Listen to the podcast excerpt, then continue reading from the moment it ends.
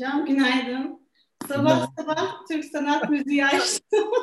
Sizi ama öyle güzel bir şarkı ki, öyle de güzel sözleri var ki konuşacağımız konuya da çok güzel uyuyor diye düşündüm. Ben kapıldık gidiyor muyuz bahtımızın rüzgarına? Yarınları karşılıyor muyuz hocam? Ne yapıyoruz? Neredeyiz? ya evet değil mi? Sanki bir rüzgar bu pandemiyle birlikte hepimiz şöyle bir yerinden oynattı gibi arkada. Hocam, Ama ne, ne yöne oynattı bilmiyorum. E, evet, şimdi bunları konuşalım istiyorum. Ama e, sizi eğitim camiasında herkes çok çok iyi tanıyor, biliyorum. Herkes de biliyor ama eğitim camiasından olmayanlar da izliyorlar bu programları. Çok da güzel dönütler geliyor. Onlar için kendiniz hakkında ne söylemek istersiniz? Kısaca tanıtır mısınız? Tabii ki. Tanıtayım kendimi. Ben 86 yılında Hacettepe Eğitim Bilimlerine girmiştim. Eğitim programları ve öğretim ana bilim dalına. Ee, inanın girdiğimde hiçbir fikrim yoktu. Yani oradaki eğitim programı lafını hatta televizyondaki programlar zannediyordum. Girdikten sonra öğrendim bunun müfredat olduğunu.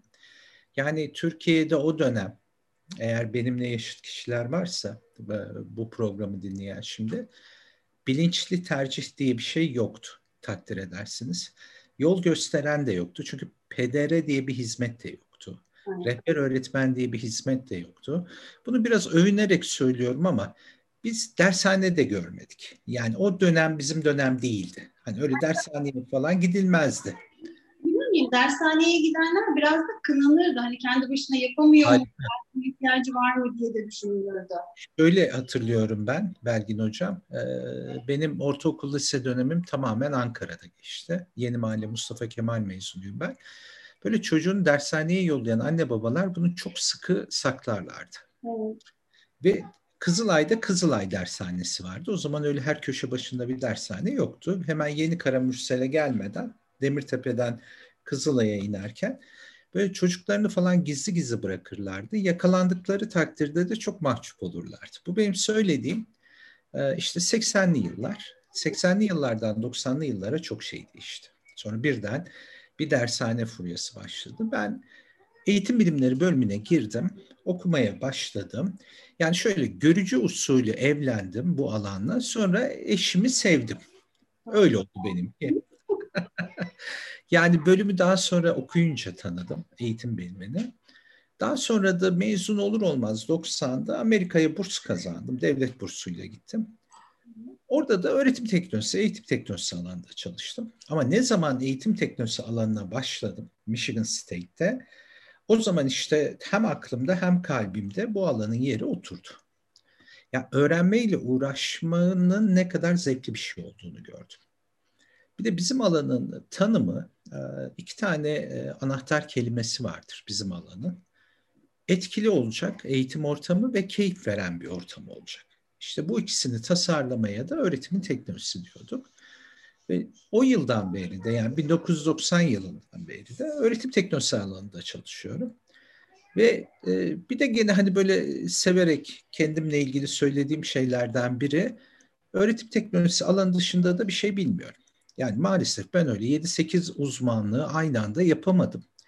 Tek bir uzmanlığı anlamam da yaklaşık 20-25 yılımı aldı. Samimi şekilde söylüyorum.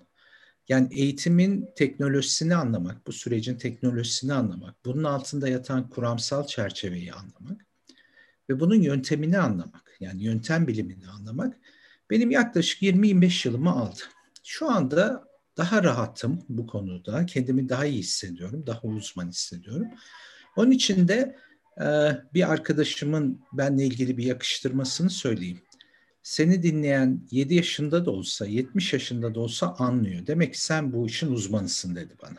Oo, ne kadar yani Gerçekten dedi. Biz e, yani çocuğumla ve annemle birlikte dinliyoruz seni.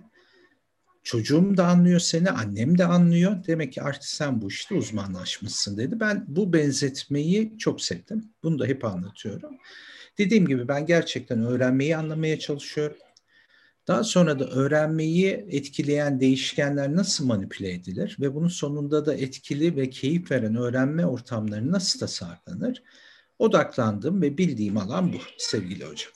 Daha ne olsun hocam? Öğrenmeden bahsediyorsunuz, keyifli hale getirmekten bahsediyorsunuz, etkili hale getirmekten bahsediyorsunuz. Peki o zaman e, hemen şöyle bir pandemiye bağlayayım ben. Bir buçuk yıldır bütün dünya olarak zor bir süreçten geçiyoruz. İşte sonuna umarım geliyoruz artık. İnşallah, inşallah. İnşallah. Bir buçuk yıldır e, öğrendiğimiz pek çok şey oldu diyoruz bir yandan. Öğrenmemiz gereken çok şey olduğunu gördük diyoruz bir yandan. Ama bir yandan da ezberimizi de bozmadık da aynı yolda da gidiyoruz mu acaba diye de bir sürü işareti de var kafamızda. Sanki evet. sınıfta yaptıklarımızı aldık işte bilgisayara yükledik. Bilgisayardan sınıfta yaptıklarımızı aynen devam mı ettiriyoruz? Hocam ne dersiniz? Sanırım e, birden değişemedik. Aslında bu değişim pandemiden önce de ayak seslerini bize duyuruyordu. Biz de bir miktar buna adapte olmaya çalışıyorduk. Ama çok da gündemimizde birinci madde bu değildi. Pandemi bunu birinci madde yaptı gündemimizde. Ve birden tabii eski alışkanlıkları terk edemedik. Etmeyeceğiz de. Hatta e, burada tarihe bir not düşelim sizinle birlikte. Eğer biz Eylül-Ekim'de okulları yüz yüze açarsak buna yüksek öğretim de dahil. E, eski alışkanlıklarımızın çoğuna hemen döneriz. Bunu sakın unutmayın.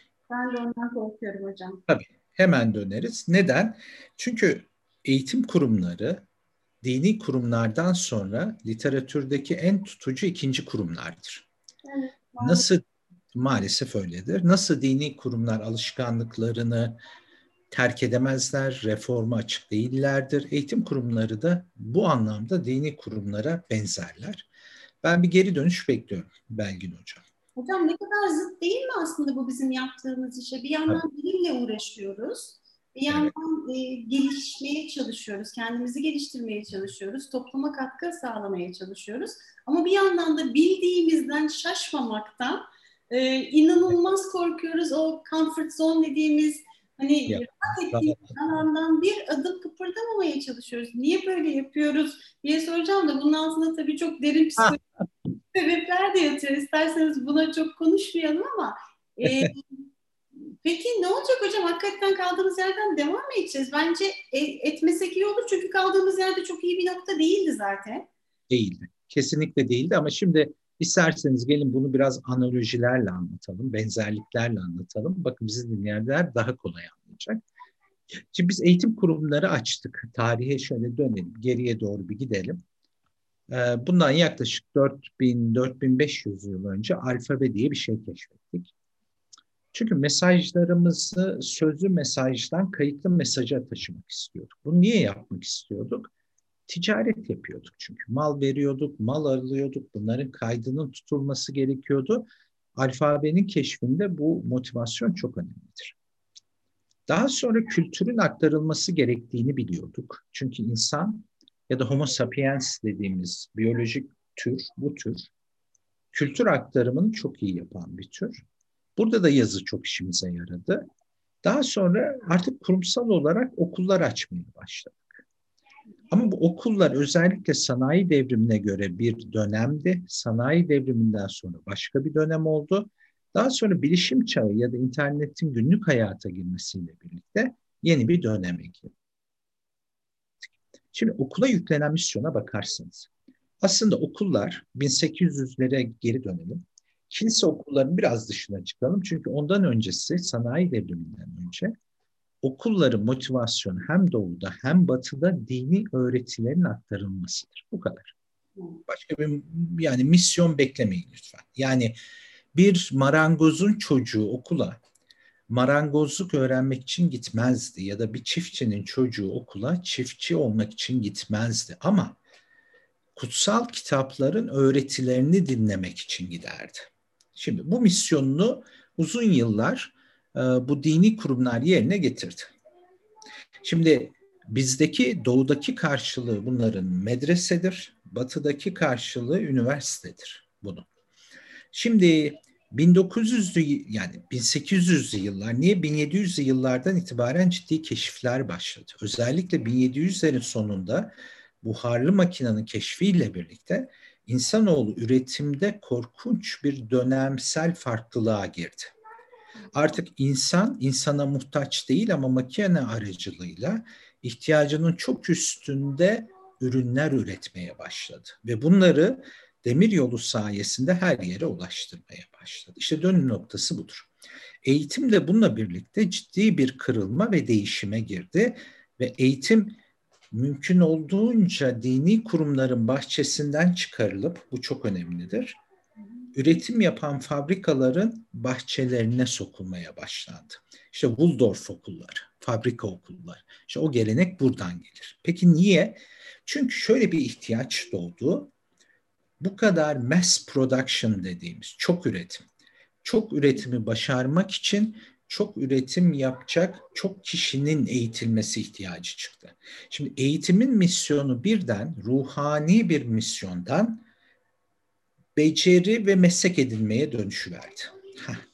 Şimdi buraya dönüştüğü için biz okullarımızı fabrikaların üretim mantığına ve felsefesine hizmet edecek ve mezunlarının da bu fabrikalara ciddi girdi sağlayacak kişilerin yetiştiği kurumlar haline getirdik.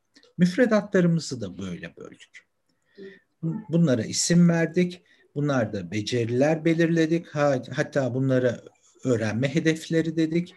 Onları gözlenebilir e, fiillerle tanımladık ve bunların hep iş yerinde bir karşılığına baktık. Üniversitede kendini bundan ayrı tutmadı. Bakın bu, örneği daha önce vermiştim siz biliyorsunuz tekrar vereceğim ama bir e, kendimi daha kolay anlatabilmek için. Ben iki kişiyi hep örnek veririm. Birisi James Watt, buhar makinesinin keşfini yapan İngiliz. Diğeri de Edison, e, ampulün keşfini yapan Amerikalı. Bakın bu ikisi de mucittir, keşif yapan insanlardır. İkisinin de ortak özelliği iyi eğitim almamaktır.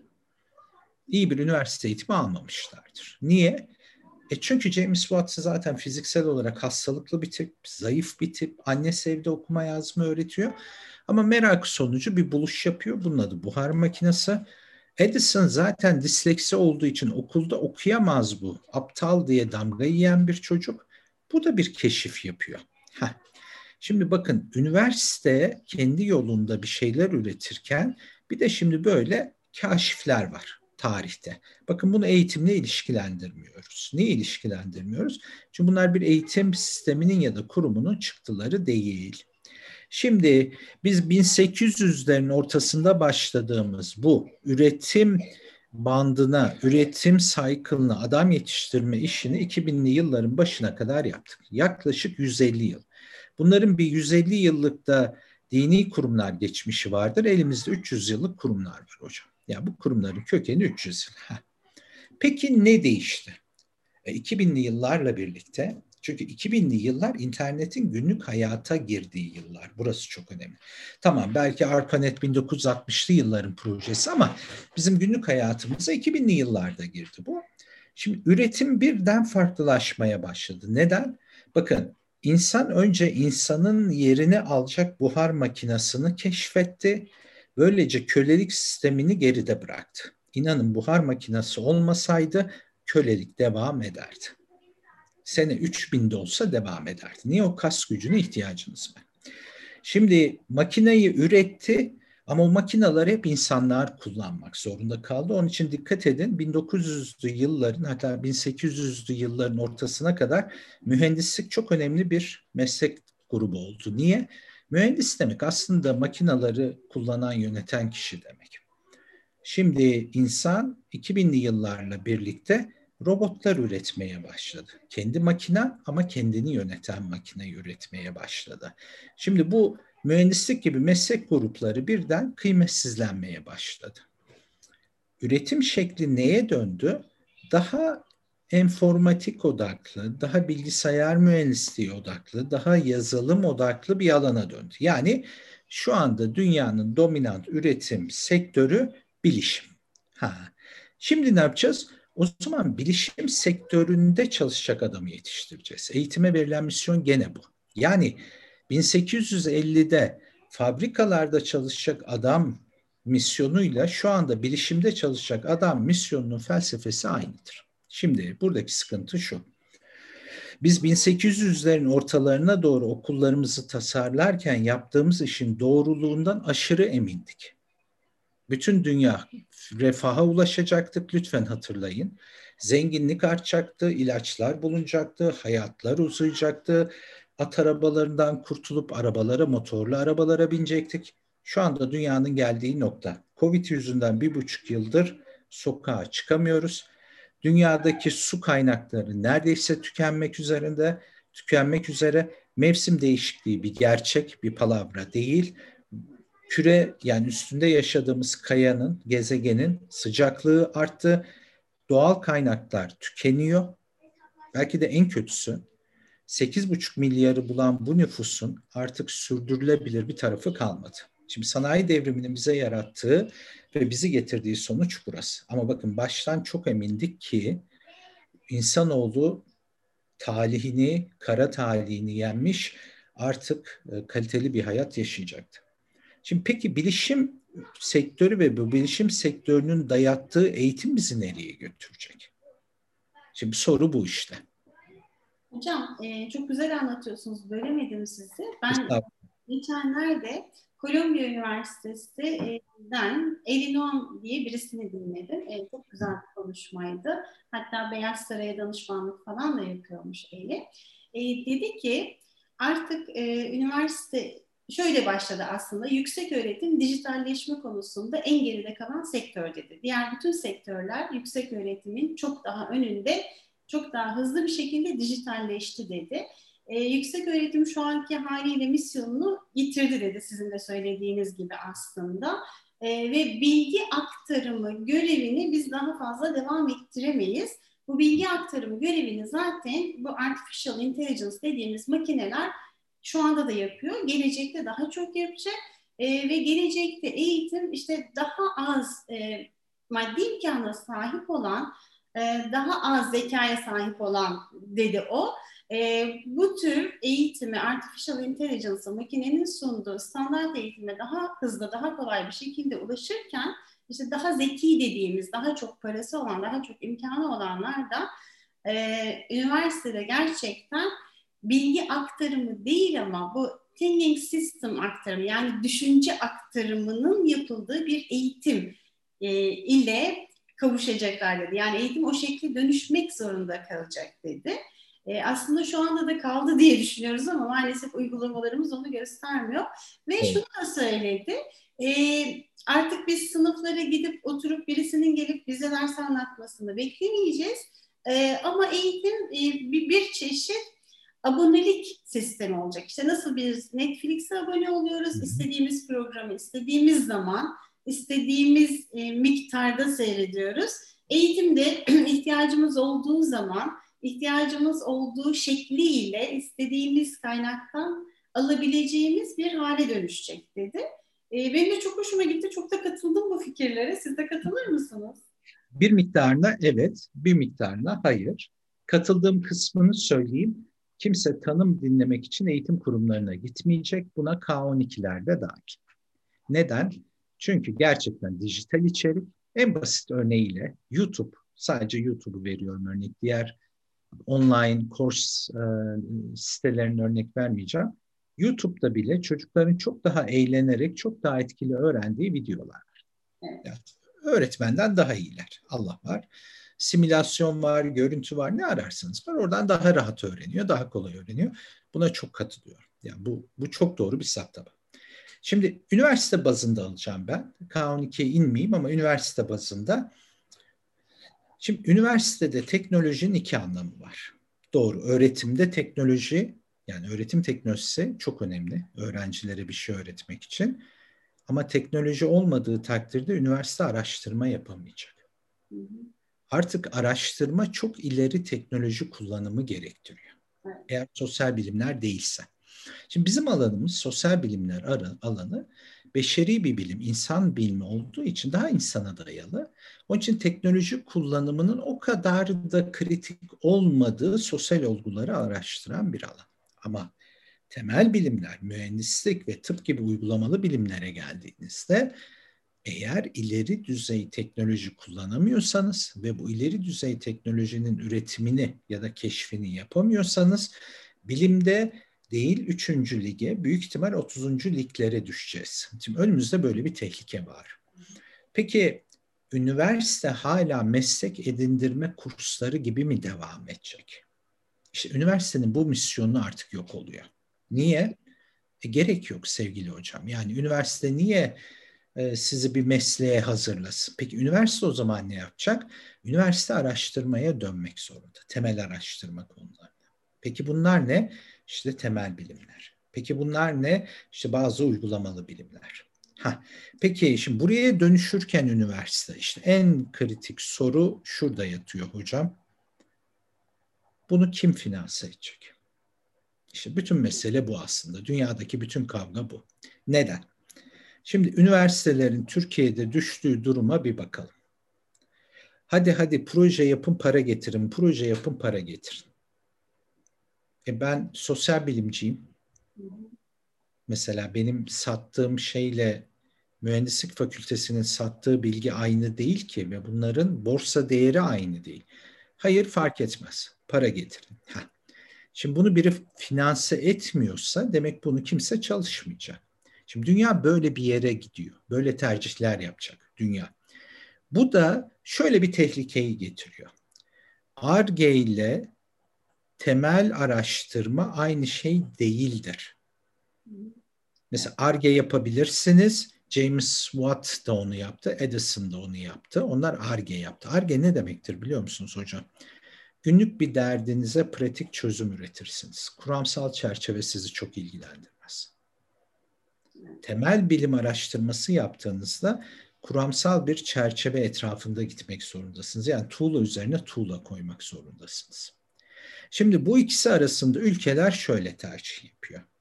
ARGE süre olarak kısa, harcanan para düşük, getiri yüksek. Temel bilim süre çok uzun, girdi para çok yüksek, elde edilecek para tahmin edilemiyor. Çok düşük de olabilir, çok yüksek de olabilir. Üniversite ilkini seçiyor. Neden? Çünkü oralara oturtturulmuş, 4 yıllık oturtturulmuş rektörler var. Bunlar da 4 yıl içinde beğendireceğim kendimi diye kısa yollara gidiyorlar. İşte bu kadar basit. Yani vizyonsuz bir sürü adamın rektörlük yaptığı bir dönem. Yapacak bir şey yok. Peki diğerinde ne oluyor? Bak diğerinde ne oluyor biliyor musun sevgili hocam? Covid'le birlikte iki tane Türk tanıdık. BioNTech aşısını keşfettiler. Sanıyorum sayılı zenginler arasına da girdi bu iki Türk. Çok emin değilim servetleri konusunda. Bu iki insanın e, sanıyorum e, daha genetik bilimcilerin ilgi alanı olan, daha insan DNA'sının üzerinde yaptıkları çalışmalar sonucunda elde ettikleri bir aşı bütün dünyada istisnasız en takdir gören aşı oldu. Bunlar temel bilim yaptı. Peki bunu nasıl yaptı bu insanlar temel bilimi? Almanya'da yetiştikleri ve büyüdükleri için Alman yüksek öğretim sistemi bu insanlara temel bilim yapma rahatlığını ve özgürlüğünü verdi. Bunlar bizde olsa hiçbir şey yapamazdı. Onu söyleyeyim sana. Teknokent'te firma açıp KDV ödemezlerdi. Tek yapacakları o olurdu. Ha. Şimdi bu konuda ciddi miyiz? Yani bir devlet politikası oluşturacak mıyız? Ya da her gün ben şimdi internet sitelerine giriyorum. Türkiye her gün zaten bir şey mutlaka buluyor. Her gün bir buluş. Zaten hep bir lider. Üniversitenin sayfasına giriyorum. Üniversite her gün bir şey keşfediyor. Ben böyle bir komedi ne kadar daha kaldırır bu ülke bilmiyorum. Şimdi buradaki ciddi sıkıntı şu sevgili Belgin Hocam. Temel bilim mi yapmak istiyorsun ve temel araştırma mı yapmak istiyorsun? Çok zeki adamlara ihtiyacın var. Sıradan adamlarla yapamazsın bunu ya da ortalama adamlarla. Kendimi de o ortalama adamların içine koyuyorum. Lütfen e, buradan yanlış anlamasın kimse beni. Şimdi bizim fen liselerimiz ama bizim dönemimizin fen liselerini hatırla hocam. Mesela Ankara Fen değil mi? Yani efsane değil mi? Hani oraya giren o 100 çocuk pırıl pırıl Türkiye'nin en zekisi oraya atanan öğretmenler işte doktorası olacak, müdürü en az doçent olacak. O günlere bir dönelim. Fen liselerin fen lisesi oldu. Şimdi bugün fen lisesi okuyan ya da sıralamada ÖSS'nin yaptığı, üniversite giriş sınavının yaptığı sıralamada ilk 3 ya da 5 bine giren çocuklardan bir tanesi temel bilim seçmiyor. Niye? Paraya daha kolay dönüşen tıp, mühendislik ki tıp şimdi yeni trend oldu gerçekten. Daha daha fazla talep görmeye başladı tıp fakülteleri. Niye? Çünkü sağlık özelleşince tabii orada çok büyük bir sermaye birikti. Şimdi bu çocukları biz temel bilim yaptıramıyoruz. Niye? Çünkü öyle bir kültür yok üniversitelerimizde. Şimdi üniversite tabii ki dönüşecek. Üniversitenin dönüşmesi demek. Bu kitaplarını kullandığımız yayın evleri var ya hocam, yüz yüze eğitimde de kullandığımız. Bu kitapları online almak mı? Bu mu? Üniversite bunu mu anlıyor? Ya da oraya 10 tane open course koyunca ay ben acayip dönüştüm. Sen yatakta sağdan sola dönemezsin böyle. Bırak dijital dönüşümü. Yani bu zihniyetle, bu dar bakış açısıyla, bu günü kurtarmayla, bu suratına fondöten sürüp de 20 yaş gençleştim diye sokağa çıkmayla hiçbir şey olmaz sende. Yani bu değil. Görmüyor musun? Bak bir sürü tren kaçırdın tarih boyu. İşte sanayi devrimini ıskaladık. Şaka maka ıskaladık. E, bilişimde çok büyük bir dönüşüm oldu. 1990'larda başladı. 2000'lerde gün yüzüne çıktı. E, orayı da şöyle ıskaladık. En fazla tüketeni olduk bunu. Üreticisi olamadık. Şimdi dünya yerinden yıkıldı ki bana göre bu acayip bir fırsattı bütün ülkeler için. Bütün sistemler yıkıldı sevgili e, Belgin Hocam. Aramızda fark kalmadı Covid'le birlikte. Şimdi biz öyle bir şey yapmalıydık ki bu yıllardır yaptığımız hataların üstünü kapatabilelim.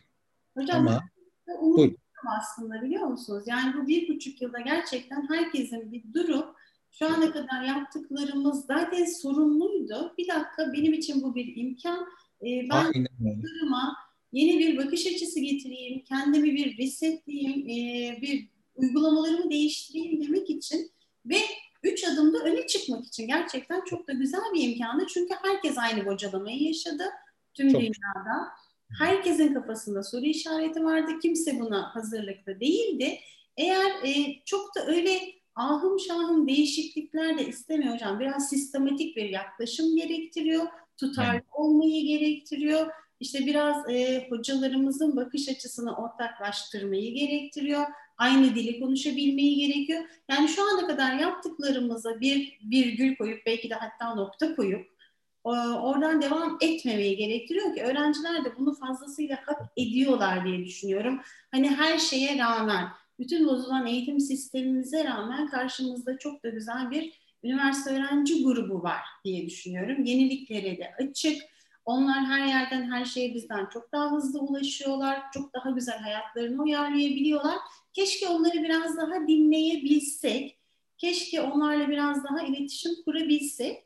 Ee, şöyle bitireyim cümlemi. Hani sosyal medyada da sürekli dolaşan ülkemizin hali için 25 yıl geriye gitsek aslında 100 yıl ileriye gitmiş olacağız diye bir söylem var ya. Şimdi siz de fen liselerinden bahsedince aklıma o geldi. Yani gerçekten bu kadar kötü değildik biz. Ee, yani hiçbir zaman belki çok düzgün, uzun süreli en azından gitmedi ama son zamanlarda bir e, yokuş aşağı hızlı bir şekilde gidiyoruz.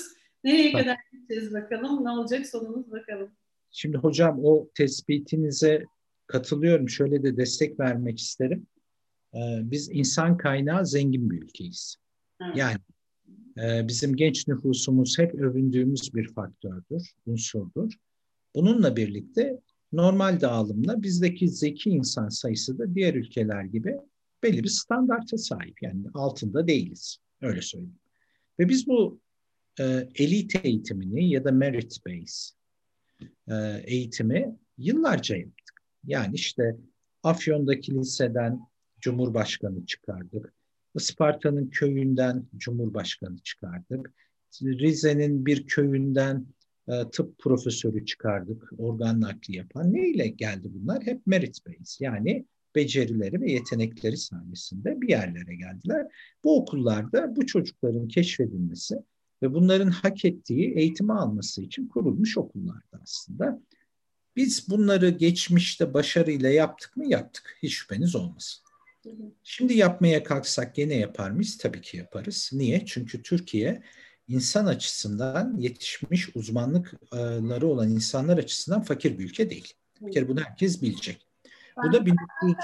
Zeka düzeyimizin de son derece e, üst düzey Aynen. Yani parlak ve e, esnek bir zeka yapısına sahip olduğumuz. Aynen. Aynen. Bu coğrafyanın, bu iklimin verdiği özellikler gereği anında pratik çözümler üretebilen de bir popülasyonumuz var. Ve biz bunu 1923'teki devrime borçluyuz. Kim ne derse desin. Orada yapılan devrim bizim eğitimde bu çocukları keşfetmemize ve ülkeye kazandırmamıza yardım etti. Şimdi başlasak yine yapar mıyız? Gene yaparız. Gene şüpheniz olmasın. Hatta geçen haftanın e, sıcak başlı üniversite sınavları kalksın. Bence de kalksın. Ama şimdi başlasak anaokulundan 12 yıl sonra kalkar bu sınavlar. Size garanti ediyorum. Eğitim sistemimizi bir dizayn etsek. Neden? Çünkü sınav bizim bu çarpık eğitim sistemimiz yüzünden o sınav var. Bir, oradaki problem sınav değil, oradaki problem yerleştirme. Çünkü aynı sınavla yerleşiyorsunuz. O sınavdan alacağınız puan bir referanstır. Birçok referansın arasına konacak biri. Aynen SAT gibi. Hani Amerika'daki SAT skoru gibi. Şimdi ben şöyle bakmak istiyorum sevgili Belgin Hocam. Çocuklarımız bizden çok daha iyi adapte bu koşullara, daha farkındalar. Bu büyük avantaj. Öğretim üyelerimiz haklısınız. Geleneklerini devam ettiren insanlar. Ama şunu da söylemek zorundayım. Çok yakın gelecekte Belgin Hocam. Ben bunu çok uzak bir gelecek görmüyorum. Belki de 3-5 yıl içinde artık sıradan insanlar üniversitelerde falan hocalık yapamayacak. Yani üniversite hocalığı yüksek maaşlı memuriyetten çıkacak Türkiye'de. Neden? Belli özellikleri olan insanlar hocalık yapacak. Yani sınıfa girdiğinde çocuğun etkileneceği bir tip hocalık yapacak. Ee, ki şu e, yıllardır benim çok önemli bir iddiamdı. Neden? Çünkü biz hatırlar mısınız? Ben o dönemin e, öğrencilerindenim. İlkokula giderken bize mandolin çaldırırlardı. Bilmiyorum hatırlar mısınız? Ya da bir en, en... çalardık, flüt çalardık. Flüt, e, toprakla uğraşırdık, salata Aynen. dikiş dikerdik, her şeyi yapardık. Şimdiki çocuklar toptan Evet. Bizim e, rahmetli olmuştur sanıyorum. E, Yüksel Ustaoğlu diye bir ilk öğretimde sınıf öğretmenimiz vardı. Yeni mahallede, Barbaros ilk öğretimde. Yani düşünün e, ben işte o zaman e, ikinci ya da üçüncü sınıfta katılmıştım oraya. Babamın görevlileri yüzünden e, farklı illerdeki. Şimdi sınıfa giriyorsunuz, oturuyorsunuz. Bir gün öğretmen sınıfta mandolini alıyor, size mandolin çalıyor. Allah Allah. Ya çok etkileniyorsunuz o kadından. Peki bir şey diyeceğim Belgin Hocam. Şimdi bir sınıf öğretmeni ya da bir kimya öğretmeni lisede gitarıyla girse ya da sazıyla girse sınıfa ve bir şey çalsa bu çocuklar etkilenir mi etkilenmez mi hocam? Hepsi etkilenir. Harikasınız. Ya da siz şimdi hocam İngilizce öğreten birisiniz. Sizin alanınız İngilizcenin öğretimi. Lütfen bütün dilleri İngilizce gibi düşünün. İtalyanca, İspanyolca, Arapça, Çince. Öğretmen farklı bir dilde konuşsa coğrafya dersinde. Çocuk onun ağzına bakabilir mi böyle hayranlıkla? Büyük ihtimal bakar. İşte şunu anlatmaya çalışıyorum sevgili Belgin Hocam. Artık sıradan insanların sınıfa girme gibi bir hakkı olmaması lazım. O kadar önemli bir şey ki hocam bu insanların hayatını şekillendiriyorsunuz. Evet. şekillendiriyorsunuz. Evet. Hele de küçük yaşlarda daha da önemli diyorum ben. Çok güzel. Öğretmenliği en önemli meslek olarak görüyorum. Çünkü ben de düşünüyorum. E, insanların öğrenim hayatını şekillendiriyorsunuz. O şemaları kuruyorsunuz kafalarında. Aynen öyle. Ve inanın e, şu anda yaptığımız mesleklere baktığımızda birçoğumuz aslında bir öğretmenden etkilendiğimiz için bu mesleği yapıyoruz. Eğer bazılarımız sayısalcı, bazılarımız sözelci ise ya da bazı alanlara bir yatkınlığımız varsa bunlar hep karşılaştığımız o insanlar sayesinde oldu ya da o insanlara rağmen oldu. Ama şu çok önemli. Sıradan insanlar artık her düzeyde öğretmenlik yapamayacak. Buna yüksek öğretim de dahil. İşte dönüşümün adı bu sevgili öğretmenim. Yani dönüşümün adı şu artık. İnsan öyle bir noktaya geldi ki artık temel ihtiyaçlarını karşılamanın ötesinde kendini gerçekleştirmek için eğitim almaya başladı. Ve böyle bir lüksü yoktu bu insanın. Eskiden yoktu böyle bir lüks. Şimdi var bu lüks. O zaman hocam şöyle diyebilir miyiz? Eğitim fakültelerine gelecek öğretmen adaylarının gerçekten işte bu e, eğitimde başarılı olan ülkelerde olduğu gibi en en iyilerden işte en gelişmiş lazım. E, olmaları gerekiyor ki toplumu şekillendirmede de onların harika. Bakın eğitim fakültelerine alımı şöyle yapmamız gerekiyor. ÖSS sınavı bir referans olacak. Puan. Belli bir baraj puan. Mesela diyelim ki ODTÜ Eğitim Fakültesi İngilizce öğretmenliği bölümüne 100 tane lisans öğrencisi alacağız. Diyeceğiz ki dil puanında en az %5'lik dilimde olma ve bu dil puanı ÖSS'de alınan en az 2 yıl ya da 3 yıl geçerli olması lazım. Daha sonra başvuran adaylar belli bir komisyon tarafından daha önce açıklanmış kriterler etrafında bir seçme sınavına tabi tutulacaklar. Mesela öğretmenliğin gerektirdiği sahne sanatı becerileri var mı? Öğretmenliğin gerektirdiği diksiyon becerisi var mı? Şunu diyebilir insanlar. Ben e, bu fakülteyi okumak istiyorum ama öğretmenlik yapmayacağım. Ben de bu kriterleri aramanız gerekmez. O zaman siz İngiliz dili edebiyatı okuyun. Çünkü bu bir meslek diploması veriyor. Onun için sizi mesela fizik bölümünü talep eden bir çocuğun diksiyonuna bakmamıza gerek yok sevgili hocam. Ama e, iki cümleyi bir araya getiremeyen, öğrenciyle göz teması kuramayan ve bence en önemlisi, burayı ben çok önemsiyorum, hiçbir görgü altyapısı olmayan bir adamı ben 50 çocuğun önüne öğretmen diye koymam. Çocuk senden etkilenecek ki ben de devlet olarak, onu oraya atayan devlet olarak diyeceğim ki ben görevimi yaptım, bu çocukların önüne harika bir adam koydum. Hocam benim kriterim hep şudur, öğrencilerime de söylerim. Kendi çocuğumu size emanet ederken gözüm arkada kalmamalı, gözüm kapalı. Hani en iyi gideceğinizi bilerek e, emanet etmeliyim. Kendi çocuğumu nasıl emanet edebiliyorsam bütün çocukları da yetiştirdiğimiz adaylara öyle emanet ettirebilmeliyim.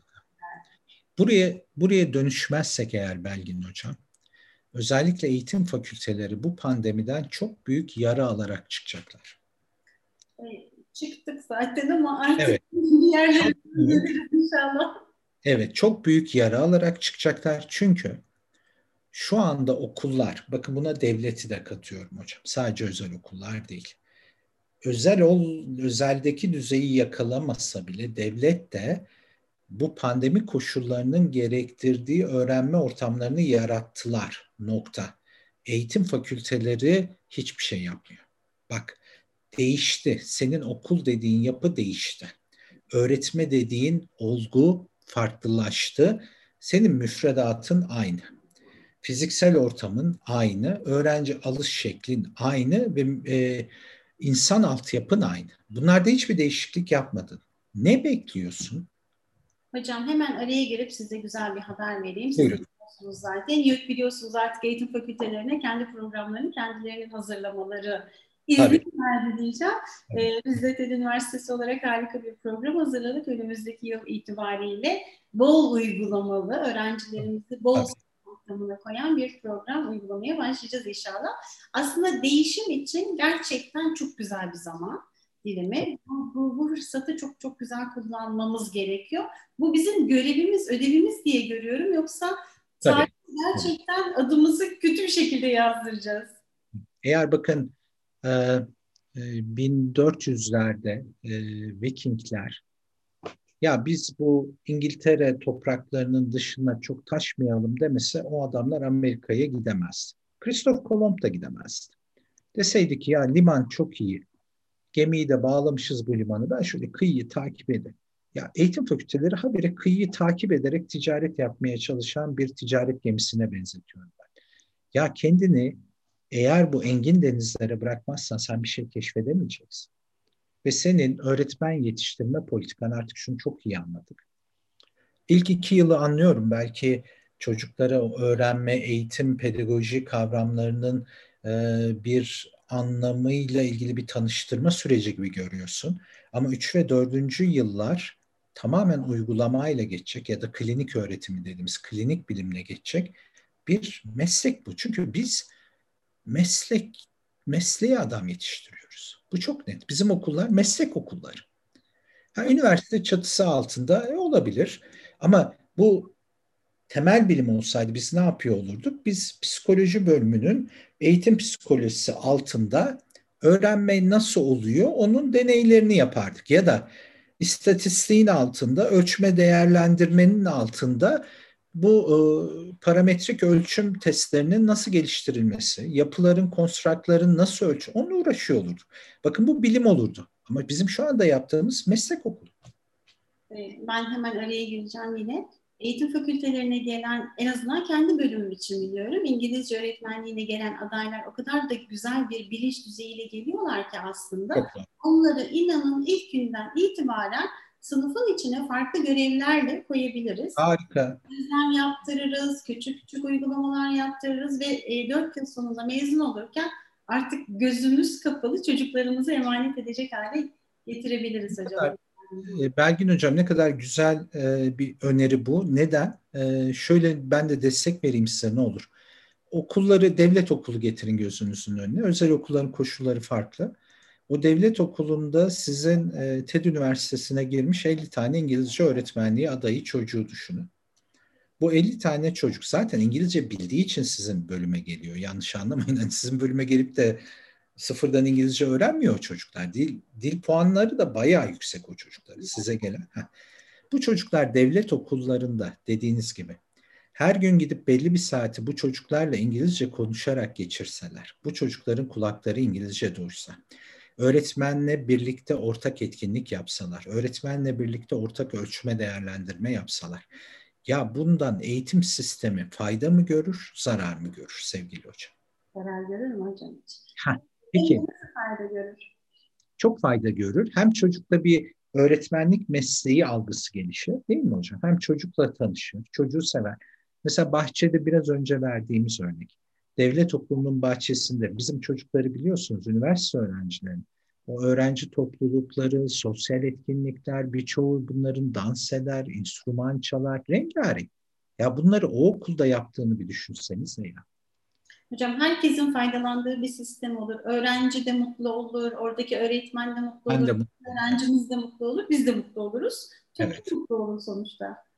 Şöyle sevgili Belgin Hocam, e, hani bizi dinleyenleri de karamsarlığa etmek kesinlikle istemem. Belki de bizim e, biraz böyle e, sistemkar konuşmamızın nedeni yapılabilecek şeyler bu kadar basitken bunları yapmaktan itina ettiğimiz için kızıyoruz. Yoksa yapılacak şeyler çok büyük şeyler değil Belgin Hocam. Aslında ben de tam da onu söyleyecektim hocam. Karamsar başladık ama umudumuzu kaybetmedik. Ee, hayır, hayır. Çok da e, hani atla deve değil deriz ya. Biz değil, değil. Değil. Bunu yapabilecek potansiyelimiz var. insan gücümüz var, zekamız var. Sadece sistemi kurup bozmamak gerekiyor. Sürekli e, evet Hocam şu şeyi çok kullanırım ben benzetmeyi. Yani kötü de ısrar etmeyelim ne olur, iyi de ısrar edelim. Yani bizde böyle bir alışkanlık gelişti. Kötü olduğundan çok emin olduğunuz bütün yapılarda, sistemlerde ısrarcı davranıyoruz. Hayır. Bunların hepsinin iyisini de biz yaptık. Bence. Ama onlardan çok hızlı vazgeçmişiz hocam ve çok kolay vazgeçmişiz. Maalesef. Bir örnek vereceğim size öğretmen okulları. Ah hocam, ah öğretmen okulları e, deyince içim bir cız ediyor. Ya bu okullar kapatılır mı? Bu kadar iyi işleyen okullar kapatılır mı? Bak şimdi hocam sen de eğitim fakültesinde öğretim üyesisin, ben de eğitim fakültesinde öğretim üyesiyim. Şimdi bizim e, genç arkadaşlar alıyoruz fakülteye değil mi? Yardımcı doçent düzeyinde. Bunlar profesörlüğe kadar gidecekler. Önlerine tek bir havuç koyuyoruz. Yayın yapacaksın. Bitti. Ama isterseniz bizim ODTÜ'deki gibi 55 tane bölümünüz olsun. Bak tek bir havuç. Yayın yapacaksın. Ya ben eğitim fakültesinde başka bir şey istemek istiyorum bu arkadaşlarımdan ya. Hocam.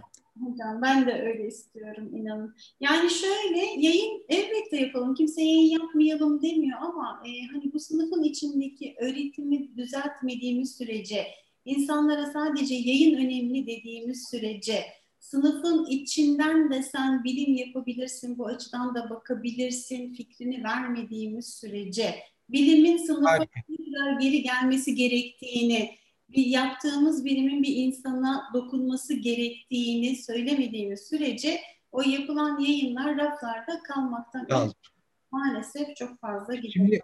Sevgili Belgin Hocam, ben e, tıpta hiç şöyle bir şey görmedim. Şimdi bir ilaç Biontech aşısı. Vuruyorsunuz, adamı yüzde doksan koruyor. Bunun yayınını yapıyorsunuz. Diyelim ki Nature dergisinde ya da Science'da. Daha sonra bu aşı rafa mı kalkıyor? Bak şimdi bizim eğitimde okuyorsun yayınları acayip mean score difference'lar var. Böyle öğretmiş mesela. Oradaki çocukların başarısı artmış ama bir daha o uygulamayı hiçbir yerde görmüyorsun. Böyle bilim olur mu sevgili hocam? Hatta belki kendi bile uygulamıyor başka bir yayın yapıyor. Ama madem bu çok faydalı niye şeye girmiyor hocam bu? Günlük hayata size mantıklı geliyor mu sevgili hocam bu? Bak demek yaptığımız işte bir aksilik var. Bir gene analojiyle anlatacağım bunu. Benim bir arkadaşım e, ciddi bir kilo verdi. 40 kiloya yakın verdi. Şaka değil ama bu pandemi döneminde yaptı o işi. Ben dedim ki ya ben seni tanıdım tanıyalı. Sen böyle 20 kilo verip 30 kilo alan bir adamsın. Yani hiç fark etmezdi senin için. Bir yıl iki yıl böyle zayıf kalır sonra 20 yıl artı 40 kilo fazlayla gezer. Ya dedi bu diyetisyen dedi farklı. Diyetisyenle verdi tabii. Dedim ne farkı bunun? Bu şöyle demedi bana dedi işte asla çikolata yemeyeceksin, pilav yemeyeceksin. Hayır ye. Sadece miktarını söyle bana. Ruhsal olarak rahatladım dedi. Hani ay ağzıma ha. İşte bizim şöyle hocam. Sadece e, sebze yiyeceksin bizim akademik atama sistemi ve yükselme sistemi. Çikolata yersen atarım seni. Ekmek ya, ya bırak o ekmek de yesin. Çikolata da yesin. Sen onun miktarlarını ona göre ayarla. Şimdi bir temel bilimcinin yiyeceği çikolatayla eğitim bilimlerinde doçent olacak çocuğun yiyeceği çikolata aynı değil. Aradaki sıkıntı bu işte sevgili öğretmenim. Yani herkesi aynıymış gibi davranıp herkesten farklı bir çıktı bekliyorsunuz. Buna lojik hani eski Yunan'a gitsek döverler bizi. O ayaklarındaki o terlikle bizi döverler. Sizin nasıl bir lojiğiniz var diye. Hocam bir de e, öğrencilerimizin otonom olmadığından şikayet ederiz. Hocalarımızı otonom yapmıyoruz. Evet, harikasınız, harikasınız. Bu da ne gerektiriyor biliyor musun sevgili Belgin Hocam? Aa, bu bakış açısında zihniyette bir esnekliğe ihtiyacınız var. Peki bizim yüksek öğretim karar vericiler niye bu esneklikten bu kadar uzak? Bunu sorgulamamız lazım. Hocam onu sorgulamak için 3-5 programa ihtiyacımız var ama ben şöyle diyerek izninizle programı bitirmek istiyorum. Sizinle sohbet o kadar keyifli ki ve konuşacak o kadar çok konu var. Ha, evet bu şey var aslında ama sonra bir program yapalım. Ee, şunu demek istiyorum. Evet her şey sizi sınırlıyor olabilir. Sistemde çok çarpıklıklar olabilir. Ama ben hala son derece otonom olduğumuza inanıyorum. Hala e, özellikle de akademisyeniz hani bilim yapıyoruz iddiasında bulunuyorsak kendi özelliğimizi, kendi sınırlarımızı çizebileceğimiz, bu sistemde bile çizebileceğimiz iddiasında bulunuyorum. E, sistemin dışına kendi düşünce yapımızla, ürettiklerimizle, yaptıklarımızla çıkabileceğimiz iddiasında bulunuyorum. O yüzden hani sistemi suçlayıp da ben de bir şey yapamam, her şey çok kötü diye oturmayalım e, diyorum. Bu mesajı vererek. Çok güzel bir mesaj verdiniz. Çünkü eğer bu gerekçelerin arkasına saklanmayı kendiniz için bir çıkış yolu olarak görürseniz o zaman kendinizi inkar etmiş olursunuz. Aynen. Kapasitenizi de inkar etmiş olursunuz.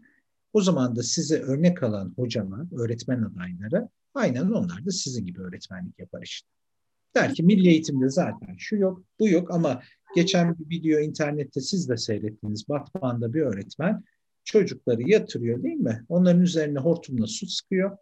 Onların yattıkları yerlerde oluşan o kuru alanlardan bir sürü figür elde ediyor. Al yani ne yani şimdi sen şimdi şeye sorsak gerekçe arkasına sığınan e bana Arduino seti almadınız. Kodlama öyle. Ya bırak bırak. Yani oynayacak adamın yeri dar değil. Oynayacaksan oyna Allah aşkına. Oynamayacaksan da bana yerim dar deme.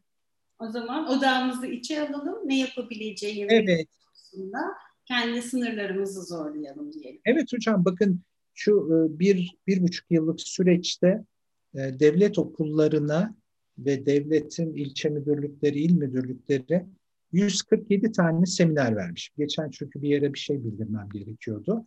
Ben bu sayıyı böyle saymamıştım oturup da hiç. Şimdi biri mi dedi bana? git de gönüllü seminer. Hayır. Niye? Çünkü bir şey yapmak gerekiyordu. Bir kriz durumu vardı. Ben de bildiğimi anlattım herkese sevgili Belgin Hocam. Bir şey de anlatmadım. Uzmanlığım neyse ne biliyorsam o. Şimdi şöyle deseydim hocam. Ya benim laptopum kötü. E şimdi benim mikrofonum iyi değil. Ama kimse de ha, bir de atamada bunun bir karşılığı yok. Puan değil. Böyle mi yapacaktık şimdi sevgili hocam? Onun için dediğin gibi cevheri kendinde ara Allah aşkına. Zaten dışarıdan aydınlanmaya çalışıyorsan her akşam güneş batıyor bunu unutma. Her akşam batıyor. Çok şahane. Çok şahane bir söz ve bitirelim isterseniz. Çok güzel bir söz söylediniz. Bir de e, bizde yaptığınız sunuda e, şunu söylemiştiniz. Müzik değişince dans, dans. Evet, ayakkabı değil, dans değişir. Artık dansımızı değiştirme zamanı diyelim. Ve ben size gerçekten çok teşekkür ederim. E, her zamanki gibi çok keyifli bir sohbetti. Umarım. Katkılarınız için çok sağ olun. Ben de davetiniz için teşekkür ederim. Böylece kendi içimden kendi kendime konuşacağımı sizlerle konuşmuş oluyorum. Yoksa bazen böyle sinirleniyorum. Kendi kendime diyorum ki şunu niye böyle yapıyoruz, bunu niye böyle yapıyoruz. Ama şu da çok hoşuma gidiyor. Her yerde bireysel de olsa insanlar gerçekten çabalıyor. Evet. Sistemi değiştirmek için acayip çabalıyor ve sistem buna dayanamayacak. Ben hep beraber o zaman çabalamaya devam edelim. Tabii tabii mutlaka sevgili hocam. Çok teşekkür ederim hocam. Görüşmek Ben teşekkür ederim. Sağ olun. Sağ olun.